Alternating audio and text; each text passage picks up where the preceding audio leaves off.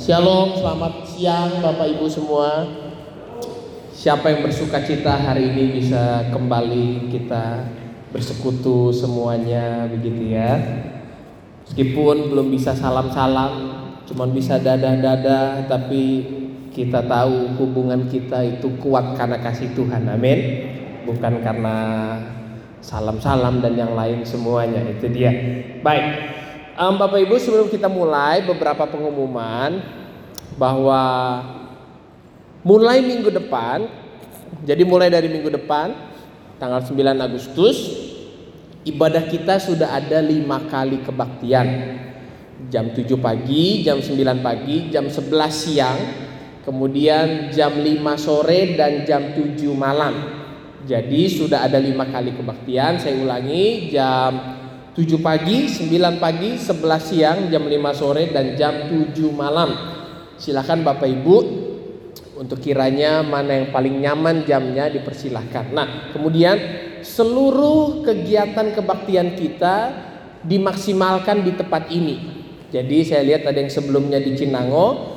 Jadi sampai Januari 2021 kita akan kebaktian di tempat ini di Galuh Mas. Karena di sana sedang dalam proses pengurusan izin lingkungan berhubungan dengan COVID-19 dan juga renovasi yang sedang terus berjalan. Doakan puji Tuhan sampai hari ini renovasi terus berjalan, anugerah Tuhan nyata dan mudah-mudahan dalam nama Yesus kita berdoa Januari kita sudah bisa kembali di Cinango juga ada, di sini ada dan di Cinango sudah selesai renovasinya. Haleluya.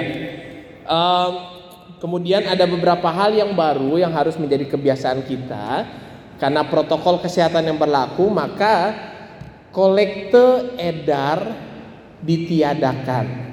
Jadi kalau uh, Bapak Ibu ada terima amplop di kursi persembahan yang Bapak Ibu ingin untuk berikan nanti waktu selesai ibadah di belakang itu ada kotak-kotak ada empat kotak masing-masing ada namanya persepuluhan kemudian ada diakonia, ada misi dan ada pembangunan. Bapak Ibu silahkan e, masukkan ke dalam yang Tuhan taruh dalam hati, ya. Saya lagi nggak mau kolekte pak, nggak apa-apa, tetaplah beribadah dengan sukacita, amin. Jadi nggak nggak apa-apa. Pak saya cuma mau kasih satu, puji Tuhan. Kasih lebih dari satu boleh pak? Boleh, haleluya malahan gitu kan ya Mau empat-empatnya pak, tapi di kursi amplop cuma dua, di belakang masih banyak amplop itu dia. Jadi um, prinsipnya adalah berilah dengan kerelaan dan dengan sukacita. Amin. Jangan dengan terpaksa. Itu dia.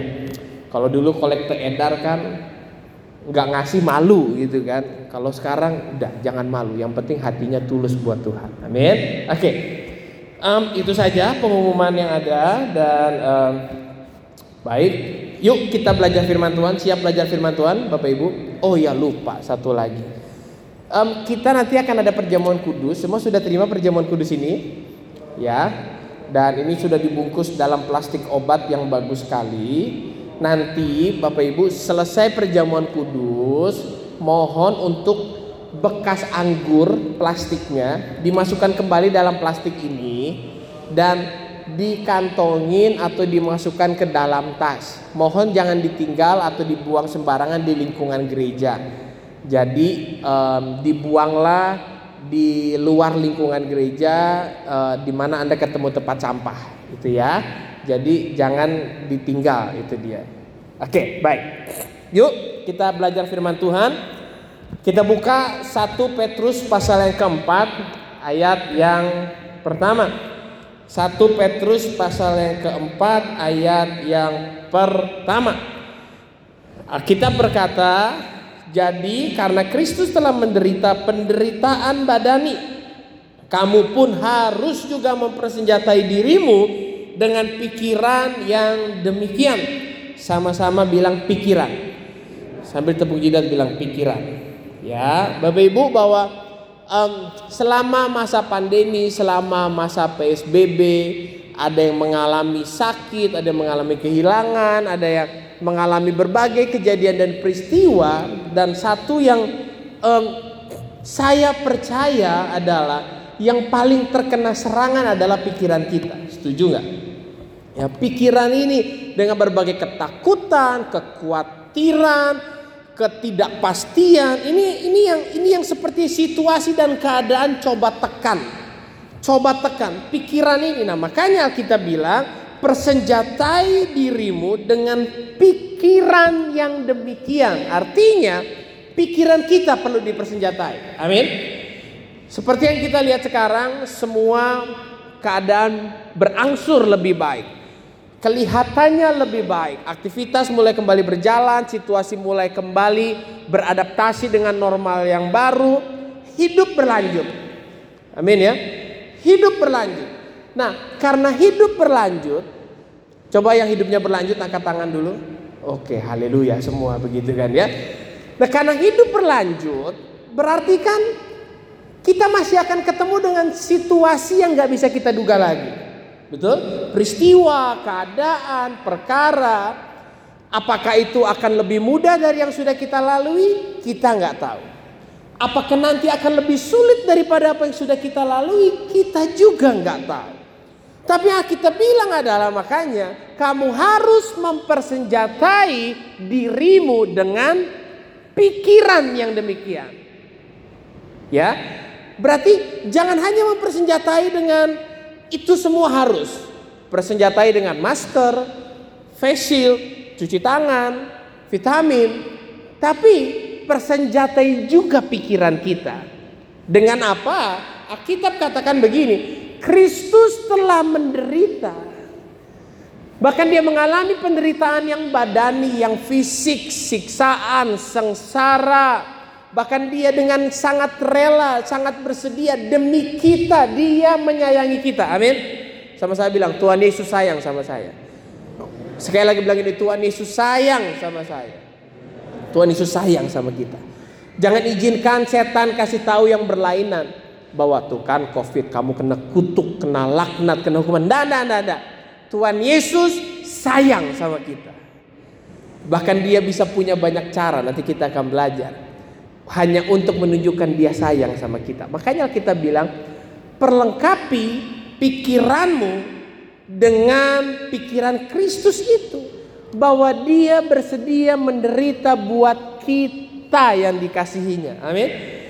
Nah memang kalau kita bicara penderitaan pasti kan nggak enak. Bicara sengsara pasti nggak enak. Tapi di dalam Tuhan maka kebenaran ini ini akan menjadi kebenaran yang kuat buat kita kebenaran bahwa ada fakta yang terjadi Yesus menderita. Sengsara fisik badani. Rasa-rasanya kalau lihat keadaannya beberapa kita mungkin pernah empat bulan ini kelaparan tapi kelihatannya nggak ada yang jadi kurus kering lalu apa? Enggak beberapa tambah gemuk kelihatannya termasuk saya gitu kan ya sekarang orang makin banyak beban pikiran bukan makin kurus, makin gemuk yang ada aneh gitu ya. Asam lambung muncul, ubanan tambah banyak, tapi tambah gemuk juga. Um, beban pikiran. Makanya kita harus mempersenjatai pikiran kita. Nah, kebenaran bahwa Yesus pernah menderita fisik, bahkan melebihi daripada apa yang kita alami, itu menjadi kekuatan. Paling tidak begini memberi bukti bahwa kita tidak mengalami kesulitan ini sendirian. Amin. Persoalan yang sering terjadi adalah masalah membuat seseorang berpusat kepada dirinya sehingga dia berpikir dia yang paling sulit, dia yang paling menderita, dia yang paling susah, dia yang paling semuanya. Makanya kita harus pelengkapi pikiran kita bahwa kalaupun saya sekarang mengalami sengsara, penderitaan, saya nggak sendirian. Usap saudara bilang, saya nggak sendirian. Ya Yesus sama Covid mirip-mirip lah. Dia tidak kelihatan, tapi dia ada di sekitar kita kan gitu kan katanya kan. Dia ada. Kita nggak akan pernah bisa berkata nggak ada yang ngerti yang saya alami karena Tuhan ngerti. Dia sudah mengalami. Bahkan begini, apa yang dia alami jauh melebihi yang kita alami. Setuju? Kita paling kehilangan pekerjaan, dia kehilangan nyawa kita paling kehilangan omset, dia kehilangan nyawa, dia kehilangan haknya yang adalah Tuhan. Dia mau turun ke bumi jadi orang yang biasa. Jadi apa pun mungkin kita lagi di bawah rendah, di bawah turun, tidak akan pernah sebanding dengan apa yang dia sudah alami. Setuju Bapak Ibu? Harusnya makanya kebenaran penderitaan ini bisa menjadi kekuatan buat kita bahwa Yesus kita pun pernah melewatinya dan mengalaminya. Dan Yesus kita mengakhirinya dengan kemenangan, kepastian. Maka pasti kita juga akan mengalami kemenangan bersama dengan Tuhan. Setuju Bapak Ibu? Mengetahui bahwa Yesus menderita penderitaan, bahkan sampai kehilangan nyawanya, dia menyerahkan nyawanya. Nah kemudian dia bangkit dan hidup. Kan ada lagunya. Sebab dia hidup. Apa? Ada hari esok. Amin. Sebab dia hidup. Ku tak gentar. Nah ini kan kebenaran menjadi kekuatan bagi kita. Yesus sudah melewati yang paling berat dan dia menang. Karena dia menang, kita punya hari hari esok. Boleh nggak sampai Ustaz Dada bilang, ternyata selama ini kamu berlebihan ya. Mungkin sedih kita berlebihan, ragu kita berlebihan, kekhawatiran kita berlebihan. Makanya sekarang Tuhan mau kuatkan kita lagi. Maka di ayat kedua Alkitab berkata, supaya waktu yang sisa. Maka kalau sekarang kita punya kesempatan melanjutkan kehidupan, jangan pergunakan menurut keinginan manusia, tapi menurut kehendak Tuhan kehendak Tuhan. Bapak Ibu mungkin akan bosan dengar ini kita ulang-ulang terus kehendak Tuhan. Carilah kehendak Tuhan, taatilah kehendak Tuhan, hidupilah kehendak Tuhan. Sekarang semua orang mencari Pak peluang apa yang baru. Pak dagang apa sekarang ya? Pak jualan apa sekarang? Pak kerja gimana sekarang? Semua punya ilmu baru, sistem baru, cara baru, tapi yuk semua pertanyaan manusia jawabannya pasti di Alkitab. Dan Alkitab berkata, sisa waktu sekarang ini pergunakan jangan menurut keinginan manusia tapi menurut kehendak Tuhan. Menurut kehendak Allah. Pergunakan itu.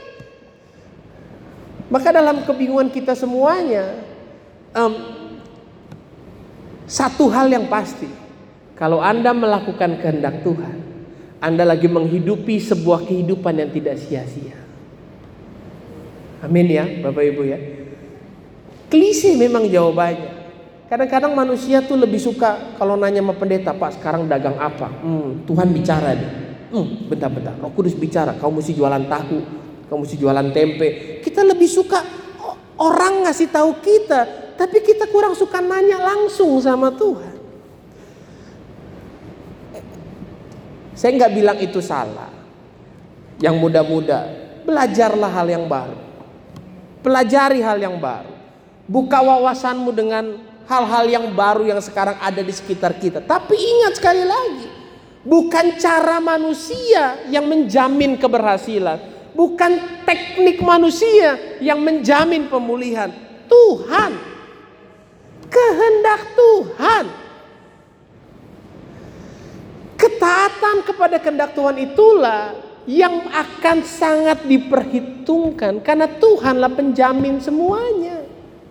Makanya jangan sampai kita lupa ini, cari kehendak Tuhan. Belajarlah cara marketing online, dagang online, mungkin karena sekarang semua lagi online dengan cara semuanya. Tapi ingat sekali lagi, kehendak Tuhan harus menjadi yang paling utama yang kita taati. Kenapa kehendak Tuhan? Karena sini yang paling saya sangat percayai. Tuhan kalau menyatakan kehendaknya, pasti adalah sesuatu yang kita akan sangat-sangat mampu dan bisa melakukannya. Setuju Pak Bu?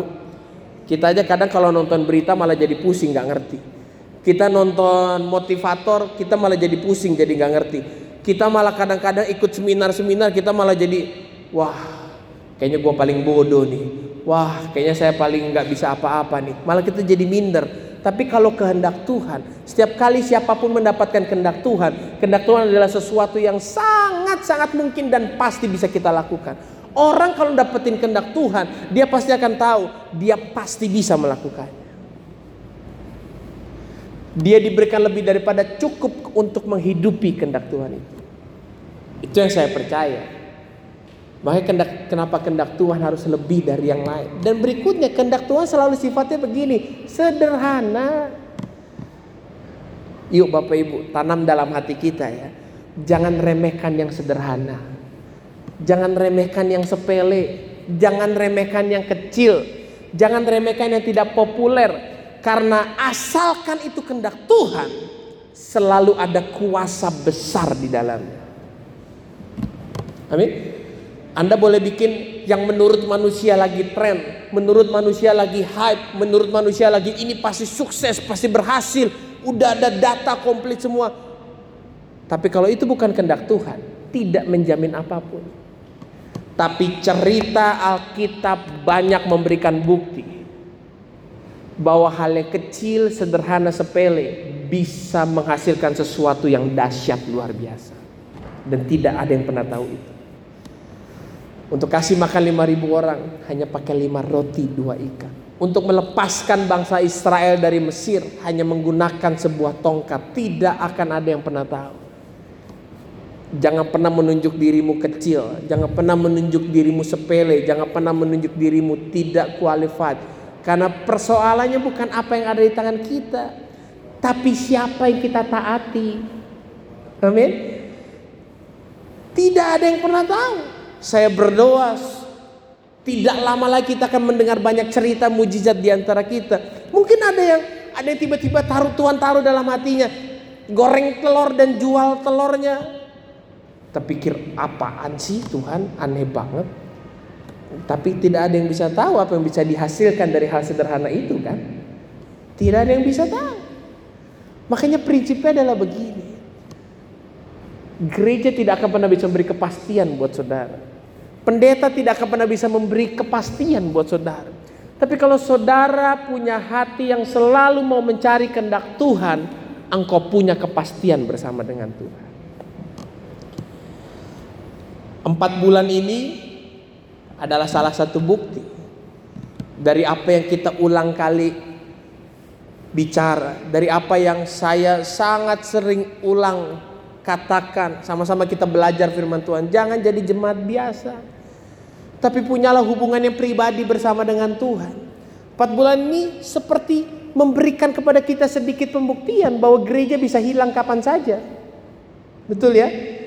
Pendeta bisa hilang kapan saja. Kebaktian bisa hilang kapan saja. Tapi Tuhan tidak akan pernah hilang dari kehidupan kita. Makanya kalau hubungan kita hanya kepada kebaktian, hubungan kita hanya kepada gereja, hubungan kita hanya kepada pendeta, bukan itu yang Tuhan mau nyampe ke sana. Ini semua baik, tapi harus ingat, Anda harus punya kerinduan yang pribadi bersama dengan Tuhan. Haleluya. Ya. Sekarang kita memulai kembali tatanan hidup yang baru. Coba kita lihat 1 Petrus pasal yang keempat ayat yang ketujuh. Sebuah tatanan kehidupan yang baru. Dengan apa yang ada pada kita sekarang. Puji Tuhan, Alkitab selalu sudah memberikan jawaban bahkan sebelum kita punya pertanyaannya. Kita bilang, kesudahan segala sesuatu sudah dekat. Jadi semua pertanyaan kita kenapa semua ini terjadi? Ya jawabannya semuanya sudah dekat. Jadi harusnya kita nggak perlu lagi bingung atau kaget. Makanya orang kalau mau dengar suara Tuhan banyak rajin baca Alkitab. Orang nggak pernah baca Alkitab nggak akan bisa dengar suara Tuhan. Kalau ada yang nanya, Pak gimana caranya dengar suara Tuhan? Baca Alkitab. Udah, baca Alkitab. Alkitab adalah suara Tuhan yang paling jelas berbicara buat kita. Alkitab udah bilang, kesudahan segala sesuatu sudah dekat. Karena itu kuasailah dirimu dan jadilah tenang. Supaya kamu dapat berdoa. Jadi kenapa semua ini terjadi? Kita udah tahu segala sesuatu sudah dekat. Selesai. Yang penting bukan kenapanya, yang penting adalah, nah ini kehendak Tuhannya. Kuasailah dirimu, jadilah tenang.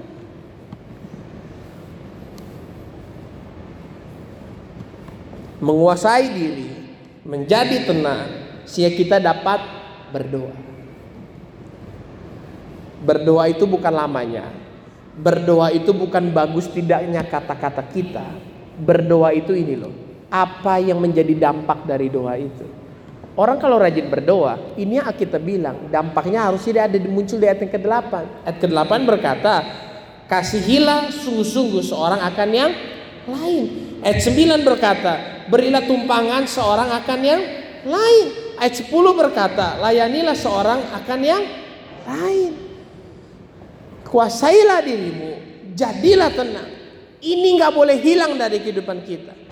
Dunia kita lagi mencoba mendikte kita untuk menjadi orang yang pasif, menjadi orang yang tertutup, menjadi orang yang berpikir diri sendiri. Tapi Alkitab bilang enggak, kuasailah dirimu, jadilah tenang, tetaplah mengasihi, tetaplah menolong, tetaplah melayani. Sama-sama bilang mengasihi, menolong, melayani. Jangan sampai ini hilang dan berubah dari kehidupan kita. Mengasihilah, menolonglah, melayanilah. Tapi Pak, saya aja lagi susah. Mengasihilah, menolonglah, melayanilah. Pak, waktu saya susah aja, itu yang dulu-dulu dekat sama saya, mereka menjauh, Pak.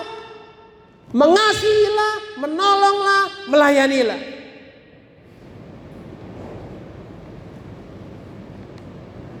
Kok kayak kurang ikhlas gitu ya? Itu nggak boleh berubah dari kita. Mengasihilah menolonglah melayanilah. Jangan izinkan situasi mendikte kita harus seperti apa tapi justru roh Tuhan ini dalam kita yang harus akhirnya muncul jadi terang, jadi jawaban, jadi contoh, jadi saksi di mana kita tetap mengasihi, menolong, dan melayani apa pun keadaannya. Amin Bapak Ibu. Bahkan ini adalah ladang berkat di mana dari kekurangan kita kita mengasihi. Dari kelemahan kita kita bisa menolong. Amin Bapak Ibu.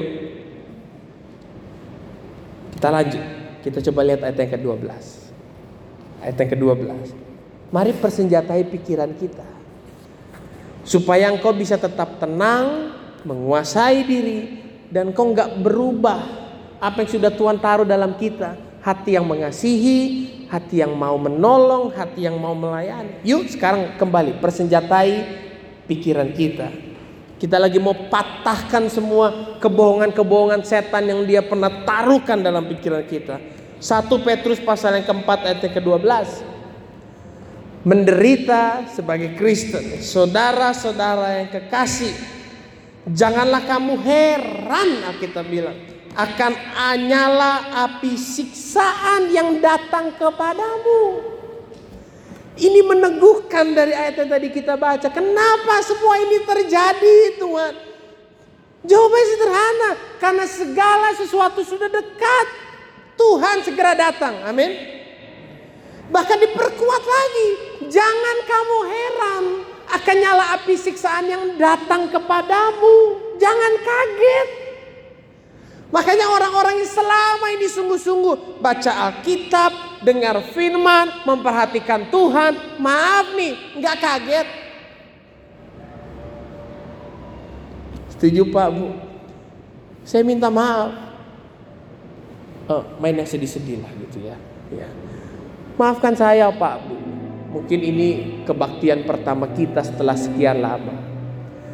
Tapi saya saya bukan bermaksud tidak berempati dengan keadaan saudara. Saya tidak bermaksud untuk tidak bersimpati dengan situasi saudara. Bukan, tapi yang saya percaya adalah Tuhan selalu punya tujuan baik dari semuanya. Amin.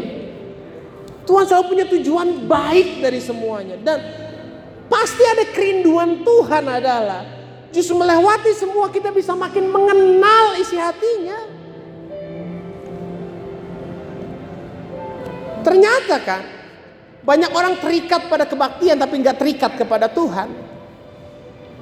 Banyak orang terikat kepada ibadah tapi tidak terikat kepada Tuhan. Banyak orang terikat kepada gereja tapi nggak tidak terikat kepada Tuhan. Banyak orang terikat pada pendeta tapi tidak terikat kepada Tuhan.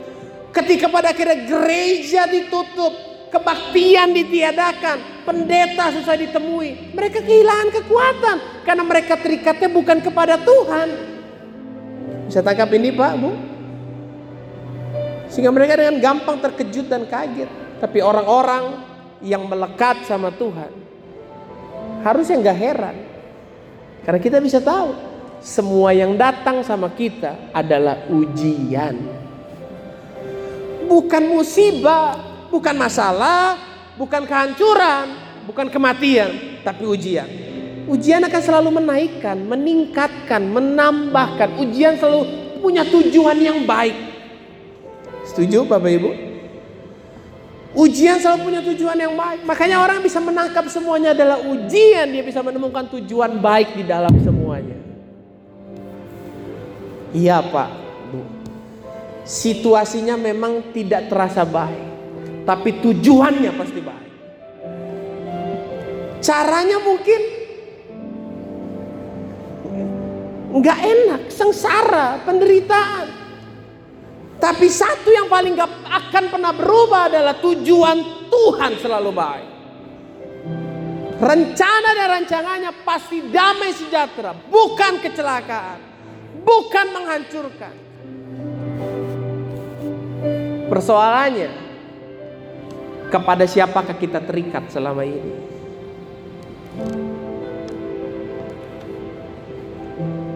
Yuk Pak, Bu. Makanya Tuhan itu sayang sama kita. Saya aja empat bulan ini, saya banyak merenung. Dan sekarang saya bisa banyak cerita. Ternyata saya juga banyak kok kekurangannya, kesalahan, kelalaian. Justru di waktu yang sisa ini, saya bisa membuat ya ada kesempatan yang baru di mana kita bisa berubah jadi lebih baik. Ada kesempatan yang terbuka lebar di mana kita bisa memberikan janji yang lebih baik untuk Tuhan mau berubah, mau bertumbuh, mau bertambah. Amin. Jangan izinkan setan mengintimidasi kita dengan berkata kamu salah, kamu kamu kamu kamu nggak akan bisa, kamu nggak akan bisa membayar kesalahanmu, kamu udah terlalu melakukan fatal. Ya betul, betul. Kita nggak akan pernah bisa melunasi kesalahan kita. Karena itu adalah tugasnya Yesus, bukan tugas kita. Tugas kita adalah percaya bahwa semua yang Tuhan izinkan adalah sebuah ujian yang akan menambahkan kepada kita. Peristiwanya memang kurang baik. Apa yang kita lewati memang sebuah kesalahan. Tapi tujuan Tuhan gak berubah. Dia lagi mau naikkan dan angkat kita. Karena ini semua hanya ujian. Jangan dengar kata setan yang bilang kamu salah, kamu. No. Tangan Tuhan jauh lebih besar daripada kesalahan-kesalahan yang kita lakukan. Apa itu yang jatuh? Enggak, itu bukan setan, itu hanya ada yang jatuh aja.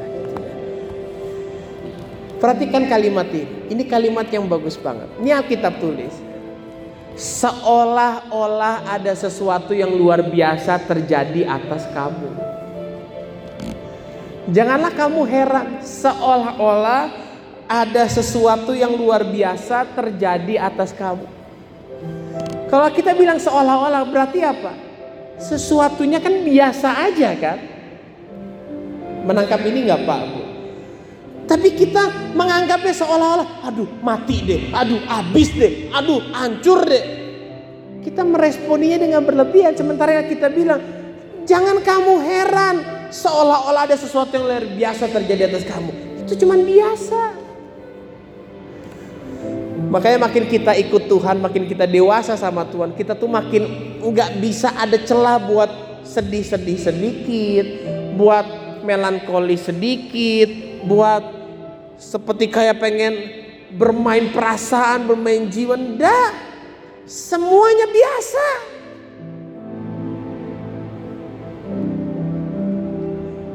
Sederhananya ayat ini seakan-akan Tuhan lagi mau bilang begini. Lu aja yang lebay gitu loh. Meratapi PHK, denger lagu lambat, denger lagu penyembahan yang kita kita bukan bukannya nyembah Tuhan malah sedih akan kesedihan aja. Padahal Tuhan bilang seolah-olah ada sesuatu yang luar biasa terjadi atas kamu. Padahal semuanya biasa. Kenapa semua biasa? Karena Tuhan pernah mengalami yang jauh. Amin. Dan Tuhan lagi mau coba bilang begini. Hei, aku gak ke mana-mana. Itu yang Tuhan lagi mau coba ngomong. Aku gak ke mana-mana. Aku tetap ada bersama dengan kamu dan ini gak ada apa-apanya. Tepatlah firman Tuhan berkata pencobaan-pencobaan yang kamu alami adalah pencobaan yang biasa. Tidak melebihi kekuatanmu. Karena apa? Karena kekuatan Tuhanlah yang menyertai. Kekuatan Tuhanlah akan bekerja. Yuk perlengkapi pikiran kita. Perlengkapi pikiran kita. Perlengkapi pikiran kita. Percayalah Tuhan itu ada dan tidak meninggalkan. Justru dia lagi bilang begini. Aku udah ngelewatin semua yang lebih parah.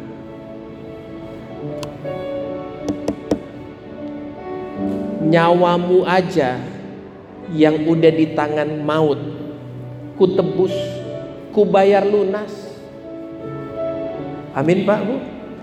Apalagi cuma perkara cicilan rumah, cicilan TV, cicilan mobil, cicilan-cicilan yang lain, perkara keuangan, kebutuhan-kebutuhan.